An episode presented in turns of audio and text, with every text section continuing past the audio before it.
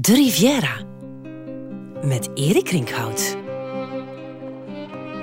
In het oude stadsgedeelte van Nice, in de Rue de la Préfecture, een smalle, autovrije straat intussen met nogal wat horeca, staat een huis. Het is een onopvallend huis, maar er hangt wel een gedenkplaat aan de gevel. Het is niet makkelijk om te lezen wat erop staat. Het opschrift is in het Italiaans, maar in het Nederlands klinkt het ongeveer zo.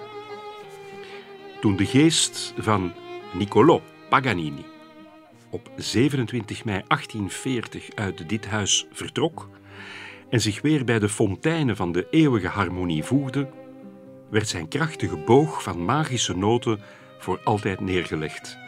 Maar zijn opperste zoetheid leeft nog steeds voort in de zachte auras van Nice.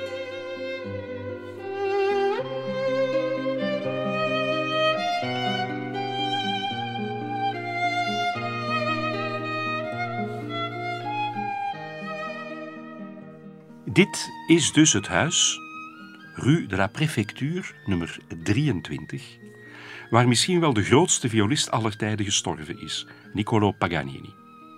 Hij was alleszins de meest gevierde vioolvirtuoos van zijn tijd en een man die definitief zijn stempel heeft gedrukt op de moderne viooltechniek.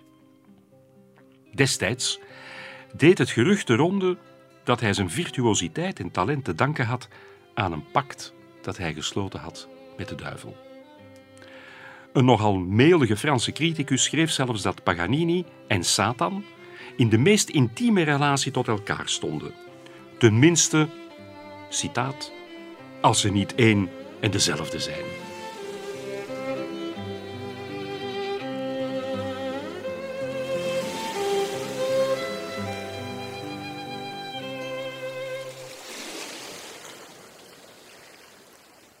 Hoe belandde Paganini in Nice?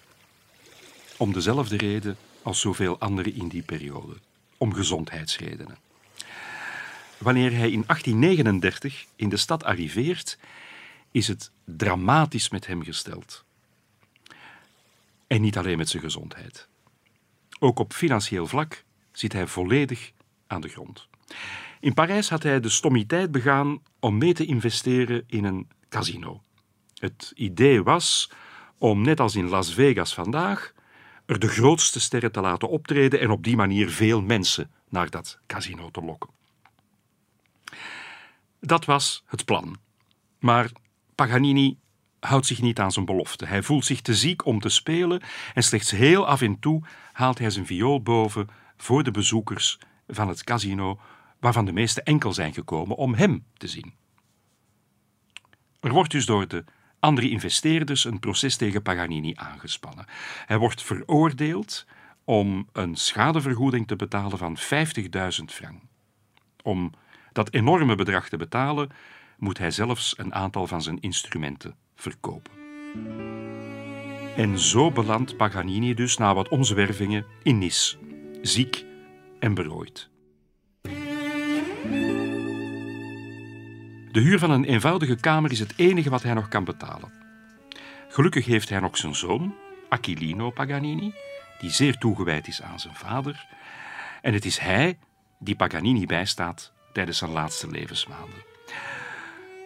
De doodsoorzaak van Paganini is moeilijk te achterhalen. Tuberculose, cholera, syfilis, al deze ziektes worden in zijn biografieën aangehaald. Hij miste ook al zijn ondertanden. Om zijn syfilis te behandelen nam hij ook kwik in en het effect daarvan was dat het zijn gelaatstrekken een doodse tint gaven. De dichter Heinrich Heine heeft Paganini in zijn laatste levensjaren ooit omschreven als een uit het graf herrezen lijk en een vampier met een viool. En alsof dat alles nog niet genoeg is, leidt Paganini ook nog eens aan een aandoening aan zijn strottenhoofd, waardoor het spreken hem onmogelijk is. Zijn zoon moet zijn oor tegen de mond van zijn vader leggen om te kunnen opvangen wat hij wil zeggen. Het is een hartverscheurende situatie. Aquilino, die de dood van zijn vader ziet aankomen, laat op een bepaald moment een priester komen om de laatste sacramenten toe te dienen. Maar Paganini stuurt de priester wandelen. Hij wil er niet van weten. Het is nog veel te vroeg, denkt hij. Maar een week later is het wel zover. Op 27 mei 1840 krijgt Paganini hevige inwendige bloedingen en hij sterft. 57 jaar is hij. En dan, dan begint een van de merkwaardigste verhalen uit de hele muziekgeschiedenis. Het verhaal van niet één, maar meerdere begrafenissen. Ik denk niet dat er één man zo vaak begraven, opgegraven en opnieuw begraven is als Paganini. Al meteen na zijn dood stelt zich een probleem. Omdat Paganini op zijn sterfbed de heilige sacramenten had geweigerd, was de aartsbisschop van Nice van mening dat hij een immoreel en irreligieus leven had geleid. En dat hij bij gevolg niet in gewijde grond mocht worden begraven. Aquilino, zoon, en enkele vrienden van Paganini verzoeken de bisschop meermaals om terug te komen op zijn beslissing. Tevergeefs. Het enige wat ze krijgen is een authentieke akte van overlijden, met toestemming om het lijk te vervoeren naar waar ze maar willen. De zoon weigert dit te aanvaarden en brengt de zaak voor bij het Hof van Justitie. Maar dat is natuurlijk een procedure waar heel wat tijd overheen gaat. Er zit voor Aquilino niets anders op dan het lichaam van zijn vader te laten balsemen.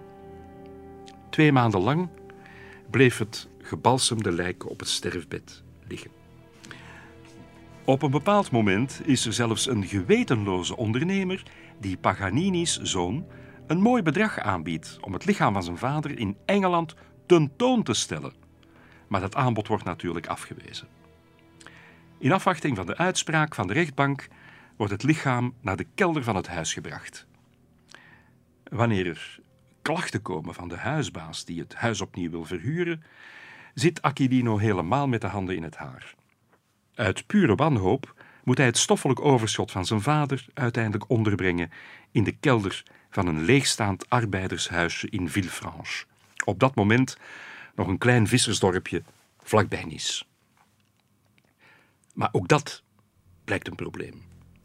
Na drie weken dringen bijgelovige buren de kelder binnen en brengen ze het lichaam van de volgens hen door de duivel bezeten virtuoos naar de kust, waar ze de kist onbeheerd achterlaten.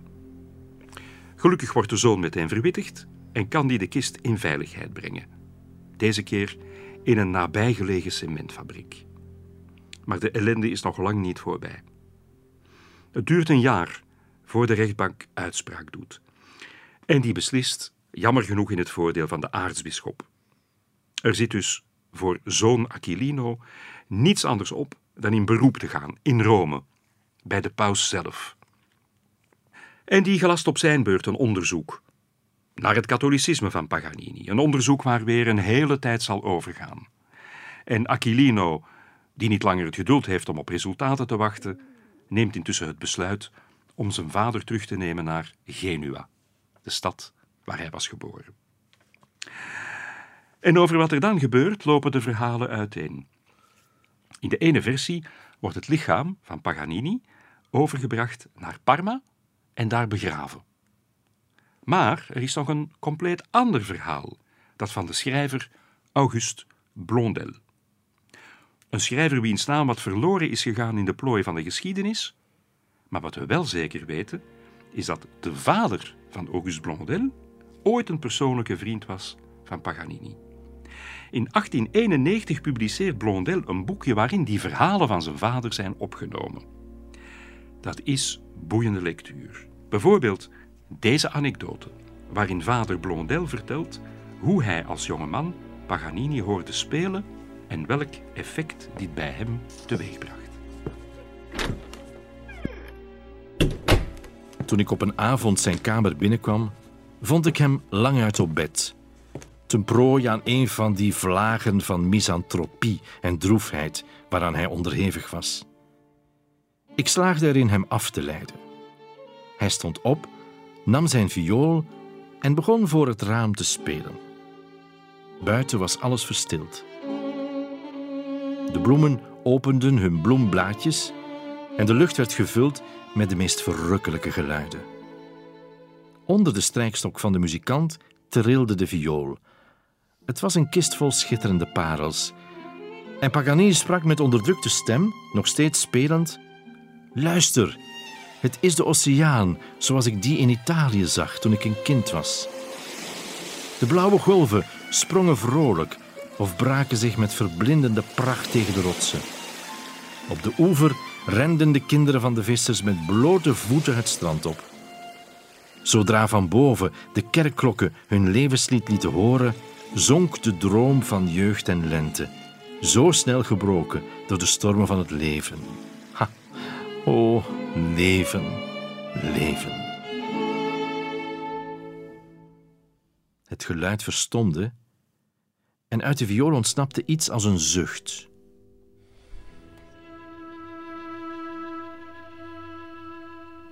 Toen groeiden de klagende tonen, wanhopig en aangrijpend. En met deze klagende tonen werd een onderdrukt geluid vermengd, als dat van een verre storm. Het geluid werd sterker en sterker. En toen werd het een storm in al zijn hevigheid, die kreten van angst uitstoten. Een storm die vreed en onverbiddelijk eindigde.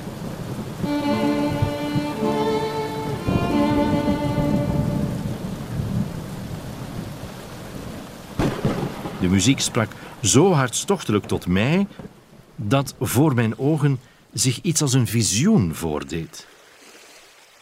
Ik onderscheidde precies een klein eiland, verloren in de onmetelijkheid van de oceaan en omspoeld door de golven. Deze golven rolden over elkaar heen, braken in schuim om weer vervangen te worden door andere, vreselijker en nog grotere golven. Was een magisch schouwspel, een levende verschrikking.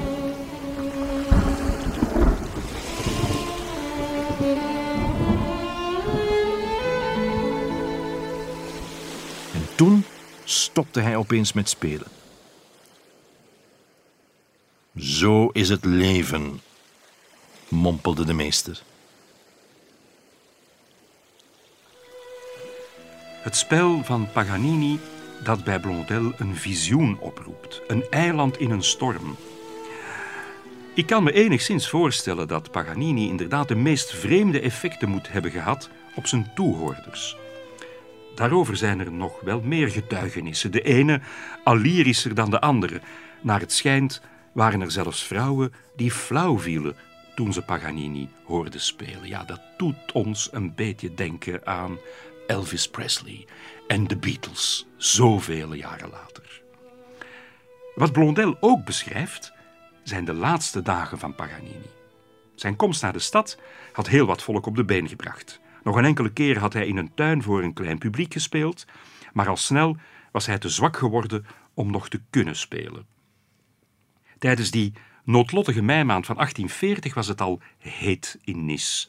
S'nachts werden de ramen opengezet zodat de zeebries wat koelte in de kamer kon brengen. Het bed van Paganini werd voor dat open raam geplaatst. Zijn viool, de beroemde Guarnerius, die overigens vandaag nog te bezichtigen is in een museum in Genua, werd op zijn bed gelegd in het geval hij nog de aandrang zou voelen om erop te spelen.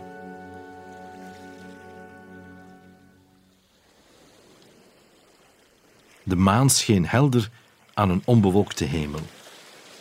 Tegen het geluid van de ruisende oceaan hoorde je enkel de bries in de takken van de bomen.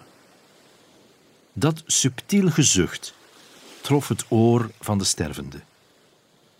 Hij deed moeite om zijn viool te pakken. Langzaam ging hij met de strijkstok over de akkoorden. En uit de ziel van de viool klonk een melodieuze en een zwakke adem die steeds langer werd.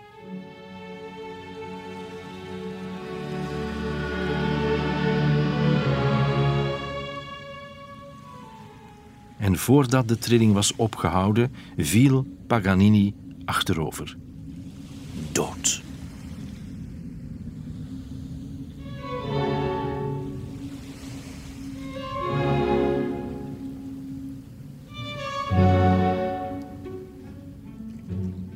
Of het werkelijk zo gegaan is, dat durf ik eerlijk gezegd te betwijfelen. Dit moet een geromantiseerde versie zijn. En daardoor doet het me ook twijfelen aan het waarheidsgehalte van de rest van het verhaal van Blondel. En wat er nu volgt is misschien nog onwaarschijnlijker. Het is de versie van Blondel die vertelt wat er met het lichaam van Paganini gebeurde na zijn dood. Hij vertelt hoe zijn vader, samen met Aquilino, op een vroege ochtend, nog voor zonsopgang, vanuit Nice vertrekt om het lichaam per boot naar Genua te varen. Het kostte hem moeite om bemanning te vinden die zich van die taak wilde kwijten. Maar met enkele goudstukken weet Aquilino op den duur toch een oude zeeman en zijn zoon van hun bijgeloof te genezen. In de stille straten, waar we bij elke stap struikelden vanwege het gebrek aan licht, volgden Aquilino en ik de met zwarte doeken bedekte baar. De dragers die de lijkbaar moesten dragen, liepen met een versnelde pas en het leek wel of ze vluchtten als dieven die het zonlicht vrezen. We kwamen aan de kade waar de boot ons opwachtte. Een paar roeispanen brachten ons uit de haven. De bries vulde de zeilen. En weldra voelden wij dat wij naar het oosten voeren. Het verdriet van Acilino maakte ons allen verdrietig. Wat kon ik tegen mijn arme vriend zeggen? Ik nam zijn hand in de mijne en drukte die teder dicht. Op dat moment kwam de zon op. Ik kon het niet laten om mijn ogen naar de kust te richten. De huizen van Nis schitterden als bloesems verspreid over het bladerdak van sinaasappelbomen. Overal ontwaakte het leven. Terwijl de golven van de Middellandse Zee hun witte schuim tegen de kust sloegen, dacht ik aan Paganini. Een huivering ging door me heen. Mijn hand rustte op de Guarnerius van de meester. En dan te bedenken dat dat instrument nooit meer zou trillen in zijn hand. Het leek mij onmogelijk dat zijn prachtige melodieën voor altijd verloren zouden zijn.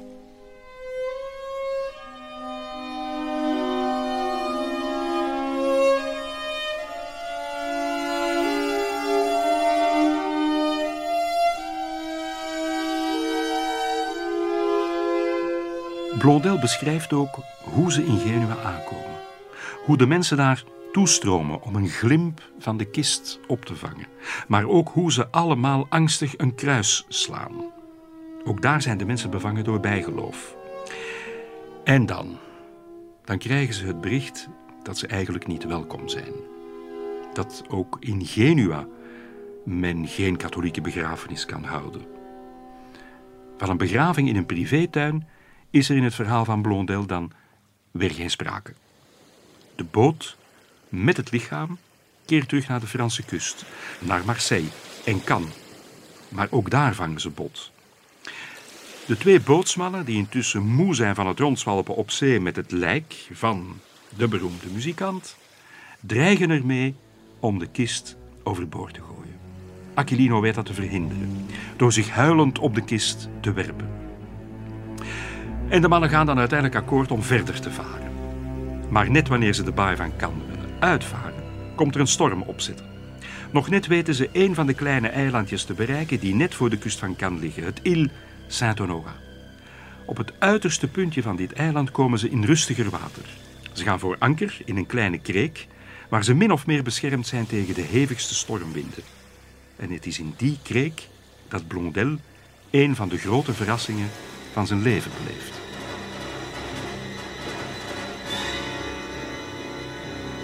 Deze plek ontlokte bij mij een kreet van verbazing en ontzetting. Honderd meter voor ons, onder de zwarte hemel, rees een ander klein eilandje op, dat door de golven werd geslagen. Dit kleine eiland, het beeld van eenzaamheid en verlatenheid, kwam mij niet vreemd voor. Plotseling werd mijn geheugen opgefrist. Ik was weer in de kamer waar de meester voor mij had gespeeld. De kamer waar ik een soort van volmaakt visioen had ontvangen van een eiland in stormweer. Wel, datzelfde eiland deed zich nu in werkelijkheid aan mij voor. Ik wist niet waarom, maar opeens wist ik met zekerheid dat we hier onze reis zouden beëindigen. Het eilandje waar Blondel het hier over heeft is het Île Saint-Ferréol, een van de satellieteilanden van Saint-Honorat. Eigenlijk niet meer dan een rif van wat rode, kale rotsen die boven het zeeoppervlak uitsteken. Het heeft zijn naam te danken aan de monnik Ferriolus, die er door de Saracenen werd gemarteld na hun inval in 730. Sommige historici zeggen dat er een graftombe op dit eiland was. En vermoedelijk heeft de aanwezigheid van deze graftombe, deze verdwenen graftombe, bijgedragen tot het ontstaan van de mythe over de beroemde muzikus. Want het verhaal van Blondel wordt dus betwist door sommige Paganini-biografen. Desalniettemin is het te mooi om het niet te vertellen.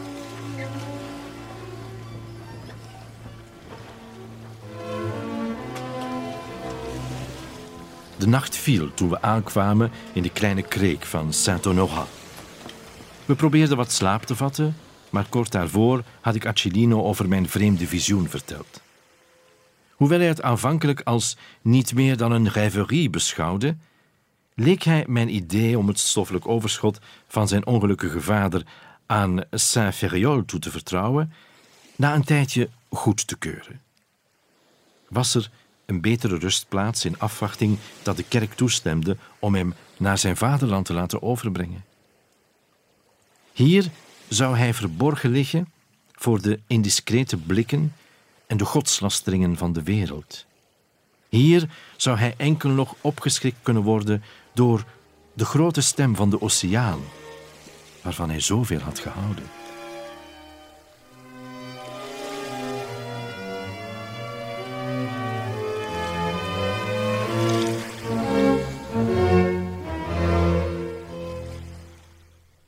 Volgende ochtend wordt er aangemeerd op Saint-Ferréol en wordt er tussen de rotsen, op een kleine open plek met wat zand, een put gegraven. Heel diep geraken ze niet, aangezien ze meteen op de rotsachtige bodem stuiten. Maar wanneer ze de kist in het gat hebben neergelaten, wordt ze goed afgedekt met wat stenen en grotere rotsblokken. Acilino was in tranen. Ik sloeg mijn armen om hem heen en ik probeerde hem te troosten. Is dit niet het graf dat uw vader waardig is? Later zult u hem naar de plaats brengen waar hij wilde rusten in Genua. Maar welk grootser toevluchtsoord kon de meester dromen dan dit? Hier, in de eenzaamheid en de oneindigheid van de oceaan.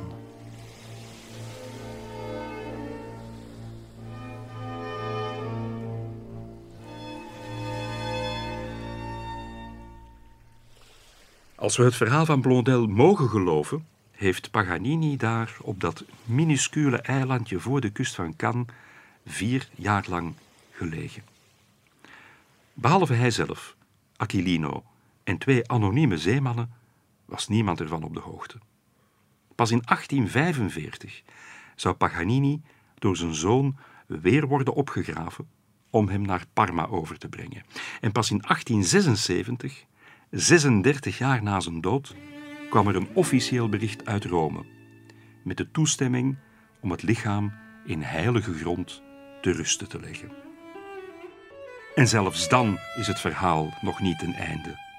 De zoon zou zijn vader nog twee keer laten opgraven en uiteindelijk een laatste keer laten herbegraven op de nieuwe begraafplaats in Parma. Het is een pronkgraf in de vorm van een Grieks tempeltje.